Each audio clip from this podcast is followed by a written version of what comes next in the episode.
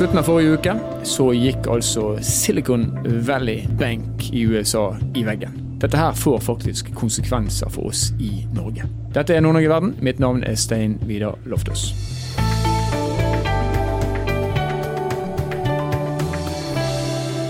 Så bankvesenet, som har stått bunnsolid, i hvert fall siden finanskrisen, viser også tegn til å vakle. Hva er det som skjer, og eh, kan dette her komme til å ramme oss i Norge? Det skal vi snakke om nå.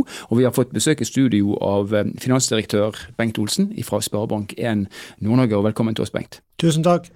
Før helgen så gikk altså eh, to banker mer eller mindre over ende i USA. og Det har vært litt sånn etterskjelv eh, etterpå. Kan ikke du kort forklare hva er det som skjer? Ja, hva er det som skjer? Eh, det er jo første gang siden finanskrisa i 2007-2008 at vi opplever at banker går over ende på, på, den måten. Det som har skjedd, er jo at myndighetene i USA over lang tid har satt opp renta ganske kraftig.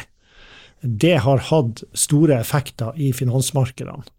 Blant annet så har verdien av fastrente verdipapirer, altså obligasjoner, da, som var kjøpt i den tida det var lave renter, falt betydelig i verdi. Og så var det sånn under covid-krisa at eh, myndighetene pøsa penger inn i systemet, både i USA og i resten av verden. Og så var det en del amerikanske banker da som fikk inn disse store pengene i form av kundeinnskudd. Pengene ble gitt til publikum, som ikke eh, helt på å si, hadde noe å bruke dem på, valgte å sette pengene i banken. Når banken renner over i gåsøya av penger, hva skal de da gjøre? Jo, de må jo plassere dem en eller annen plass. De kunne selvfølgelig plassere dem i sentralbanken til 0 rente, veldig lite attraktivt. Så hva velger de å gjøre? Jo, de velger å kjøpe obligasjoner. Men de kjøper sikre obligasjoner, typisk statsobligasjoner eller på det nivået, som de er helt sikre på at motparten går ikke konkurs. Så hvis jeg bare sitter til forfall det kan være fem år, det kan være ti år. Så får jeg pengene igjen. Pluss litt rente. Pluss litt rente. Og kanskje 1 eller 1,5% rente. Det var de veldig fornøyd med når renta var null under covid. Så de kjøpte masse av de papirene, gjerne med litt lang løpetid. Mm. Men det var fast rente på det. Det var jo ingen under covid som regna med at renta skulle gå opp med 4-5% etterpå. Så har skjedd. Og disse bankene sitter nå på disse verdipapirene. De har falt kraftig i verdi, og så har de ikke bokført dette løpende til markedsverdi. De har bare kjøpt papirene og lagt de i bøkene sine til den prisen de betalte når de kjøpte det. Og så skjer jo det at kundene deres som har plassert disse innskuddene i banken, de kommer og sier at nei, nå trenger jeg pengene mine, mm. og tar ut pengene. Og det får de selvfølgelig lov til å ha rett på. Men hva må banken gjøre da? Jo, de, må, de har jo ikke disse pengene liggende i hvelvet. Så de må selge unna disse verdipapirene for å få tak i disse pengene. Ja. Og siden de ikke har bokført dette til markedsverdier, så må de, når de selger disse verdipapirene, ta et regnskapsmessig tap tilsvarende fallet i verdi. Ja. Og for Silicon Valley Bank, da, som er den største av de tre bankene som har gått i veggen i USA, så utgjorde det tapet ca. 2 milliarder dollar, altså 20 milliarder norske kroner.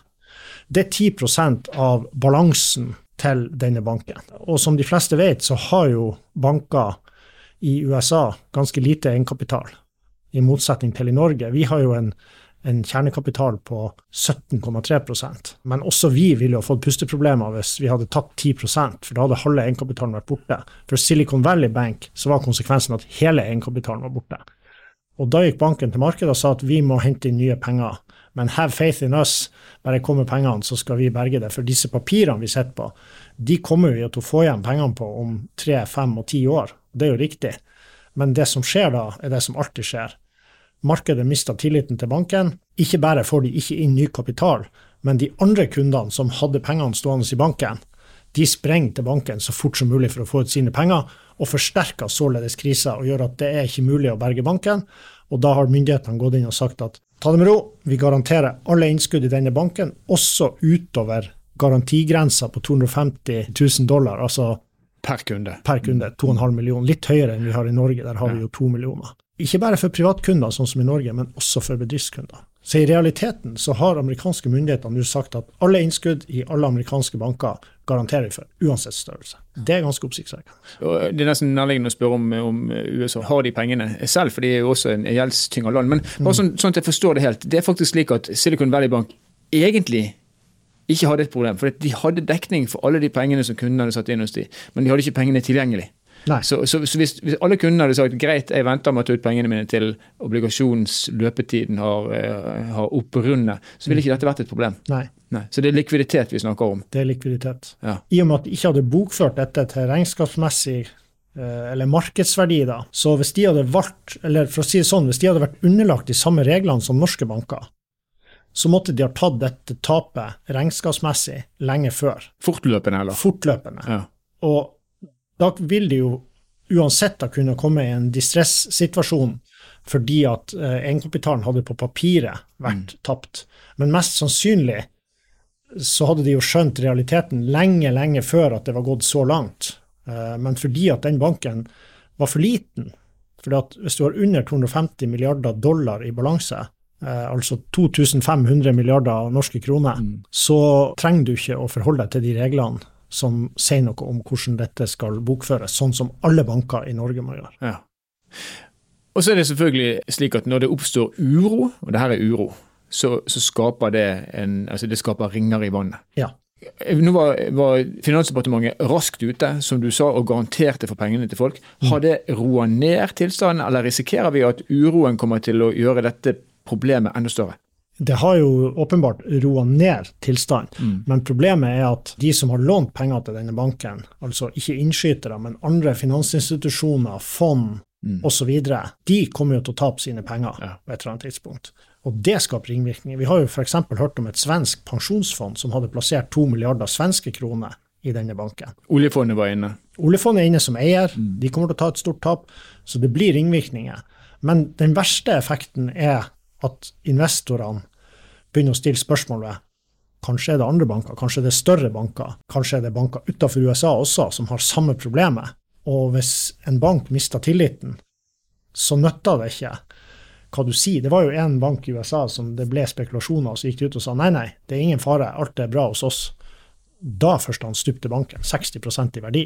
Fordi at hvis du går ut og på en måte sier at det gjelder ikke oss, så begynner folk å tenke hva er det her for noe? Hvorfor gjør de det? Har de noe å skjule? Men, men, er det grunn til å tro det? Altså, Denne banken her plasserte pengene sine i langsiktige obligasjoner til en lav rente, mm. men likevel du er garantert å få pengene tilbake. Er det sånn at alle de andre bankene som fikk høye innskudd under covid, lot pengene ligge igjen i, i, i hvelvet, eller har de også investert, og eventuelt da på en tryggere måte, eller hva? Det er grunn til å tro at det er flere amerikanske banker som er i samme situasjon, med at de verdipapirene de plasserte i har falt betydelig verdi. Men denne banken var jo helt spesiell, for de hadde 56% av balansen sin. Altså over halvparten av bankens balanse var plassert i langsiktige fastrenteobligasjoner. Det er uvanlig? Det er svært uvanlig. Ja. Og, og, vår bank, til sammenligning da, Sparebanken Nord-Norge, vi har ca. 15% av vår balanse plassert i obligasjoner, fordi at det er lovpålagt i Norge. Men det er plassert i obligasjoner med kort løpetid, og i tillegg med flytende rente. Og på toppen av det så markedsverdivurderer vi dette månedlig. Sånn at en sånn bombe vil aldri kunne oppstå i våre bøker. Nei. Nei. Og, og, det her er tillatt i USA, og da er det jo nærliggende å spørre Det er 15 år siden finanskrisen. Lærte de ingenting? Ja, det er et fryktelig godt spørsmål, og jeg registrerte jo at han Biden var ute og sa at nå skulle de stramme til. Mm. Det valgte vi jo å gjøre i Europa etter finanskrisa. Sånn at de reglene som vi har i Norge, de er jo felleseuropeiske. Så det er lite sannsynlig at det er noen europeiske banker som står i denne situasjonen. Men det kan, og mest sannsynlig også er det flere banker i USA som har store latente tap i verdipapirporteføljer som de ikke har bokført. Og hvis de ikke trenger å realisere disse tapene, sånn som Silicon Valley Bank måtte gjøre, så er det ikke sikkert det kommer til overflaten engang. Sånn sett, sitt i ro, så er det ingen fare. Og da er det, igjen, Vi skal snakke litt om det, det norske bankvesenet. Du har vært inne på det allerede. Det europeiske, som norske er en del av, er sammenskrudd på en annen måte med mye, mye større, eller strengere reguleringer, kan man kanskje si. Men la oss nå si da, at det er flere banker, og kanskje større banker i USA, som kommer til å få seg en, eh, et lite sjokk som er, mm. av samme grunn som SEB. Hva da? Bankvesenet er vevd sammen. Ja, det er veldig sammenvevd. Og vi ser jo allerede nå at det å hente kapital i markedet For det første så er det ingen, nesten ingen som har gjort transaksjoner etter dette skjedde, fordi at investorene er nervøse. Men vi vet at hvis du skulle ha prøvd å gjort noe nå, så vil prisene vært på et helt annet nivå enn det var mye høyere. før. Mye, mye høyere. Det vil være dyrere for bankene å hente finansiering i markedet. Og I tillegg så har du den effekten av at når nå i praksis alle innskudd i amerikanske banker, uansett størrelse, også til bedriftskunder, er garantert, så vil du få en flyt av midler fra Europa, der de har 750 000 kroner, er jo garantien i euroland, og så er den to millioner i Norge. Så det betyr at det vil flyte innskuddsmidler fra Europa til USA, fordi at der vet de at de, de pengene kan vi ikke ta, for myndighetene har garantert for dem.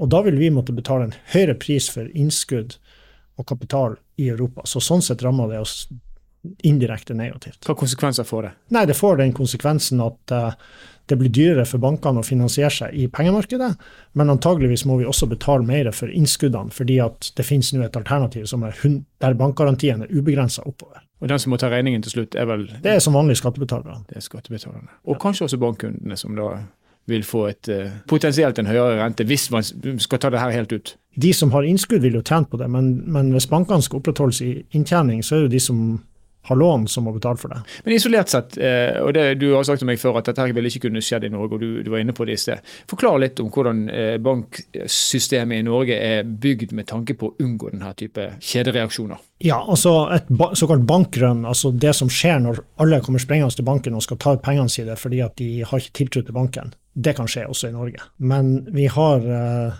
myndigheter som på en måte står bak der. og Vi opplevde jo dette under finanskrisa. Når det ble tvil, så dro det norske myndigheter kaller for gullkortet.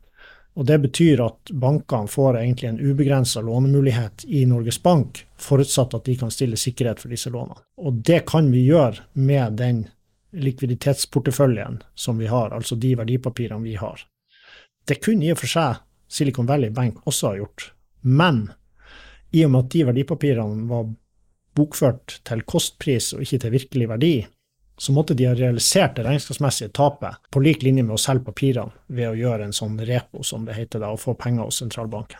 Så det hadde stilt i nøyaktig samme situasjon.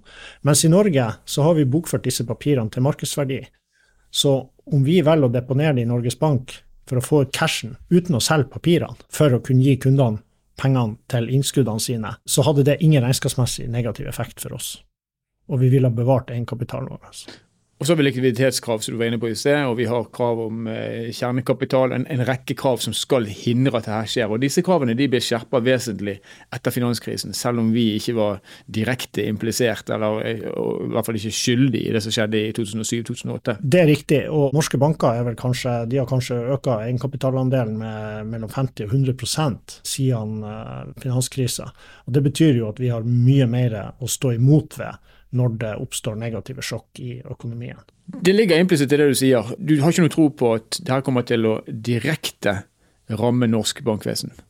Eh, så er du inne på usikkerheten det her skaper, spesielt i forhold til prisen på kapital osv. Går det over seg sjøl i løpet av noen dager, dette her, eller tror du vi nå står i starten av eh, en litt sånn annen eh, tilstand når det gjelder bankvesenet? Når uh, vi sto i finanskrisa, så var det en liten nisjebank som heter Burns Stern eller noe sånt, som gikk over ende først. Og så tok det seks måneder før Lehman Brothers falt. Nå er det gått uh, nesten ei uke siden Silicon Valley Bank og to andre knøttsmå nisjebanker. Silicon Valley Bank er den 17. største banken i USA, så det er ikke noe liten bank.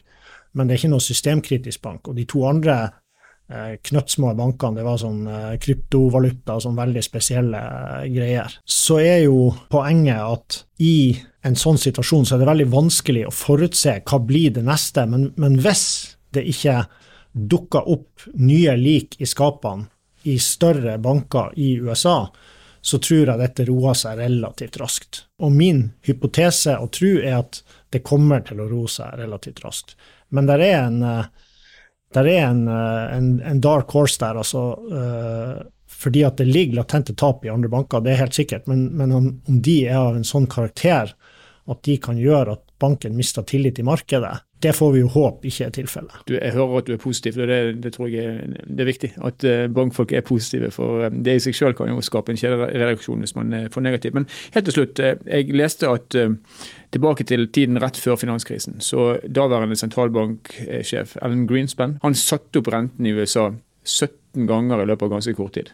Dagens sentralbanksjef har satt opp renten 18 ganger i løpet av ganske kort tid. Og Så peker man hele tiden på bankene og sier at bankene jo ikke oppfører seg. Må sentralbank, eh, sentralbanken i USA se seg selv litt i speilet i denne saken? her? Jeg tror sentralbankene har, eh, de har et ganske sånn ensidig mål i forhold til å beholde en inflasjon på, på rundt 2% Men hvis sentralbankene tar for hardt i for fort, så får det ganske store følgeskader.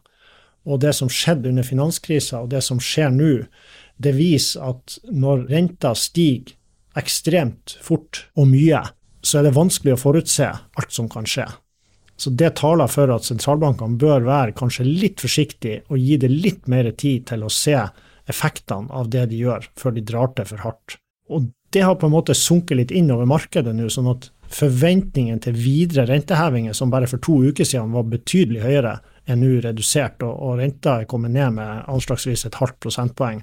Altså Man forventer at rentetoppen blir et halvt prosentpoeng mindre nå enn man forventa for 14 dager siden. Og det betyr det samme i Norge? eller? Vi... Det betyr det samme i Norge, ja. og det betyr jo at uh, utlånskundene, for utlånskundene isolert sett er kanskje dette gunstig, fordi at de slipper uh, en, unna med en lavere rente. Og Vår sentralbanksjef skal ha kontroll på inflasjonen og bruker renten til det. Samtidig så strever hun nå med kronekursen. og Noen sier jo at ja, vi bør holde igjen renten for å på en måte henge oss på det som skjer i USA, men hvis vi må kaste kronen på båten, så har jo det konsekvenser òg. Har hun noe annet valg enn å sette opp renten, egentlig? Jeg tror nok hun kommer til å sette opp renta. Det som er spørsmålet er hvor mye, og hva blir liksom taket?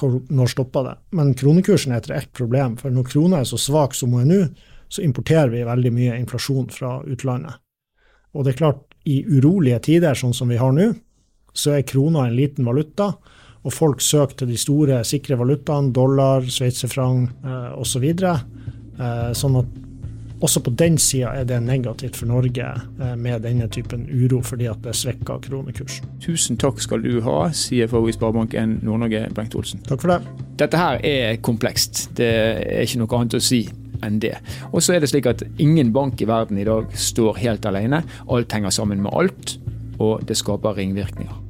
Så vet vi òg at europeiske banker, det hører vi eh, Bengt eh, gjøre rede for, europeiske banker er sterkt regulert. Det skal utrolig mye til for at de skal ende opp i en situasjon som eh, ja, det som beskrives som bankrun, at for mange folk kommer og skal ha pengene sine tilbake. Så det tror vi på. Det er bra å være en del av et sånt system. Og man taper jo heller ikke pengene sine. Altså En kunde er garantert gjennom bankenes sikringsfond å få tilbake inntil to millioner kroner per bank han er kunde i. Nord-Norge i verden er en podkastserie som er laga av Sparebank1 Nord-Norge i samarbeid med Helt Digital. Musikken du har hørt er laga av Emil Karlsen. Mitt navn er Stein Vidar Loftaas. Vi høres igjen i neste episode.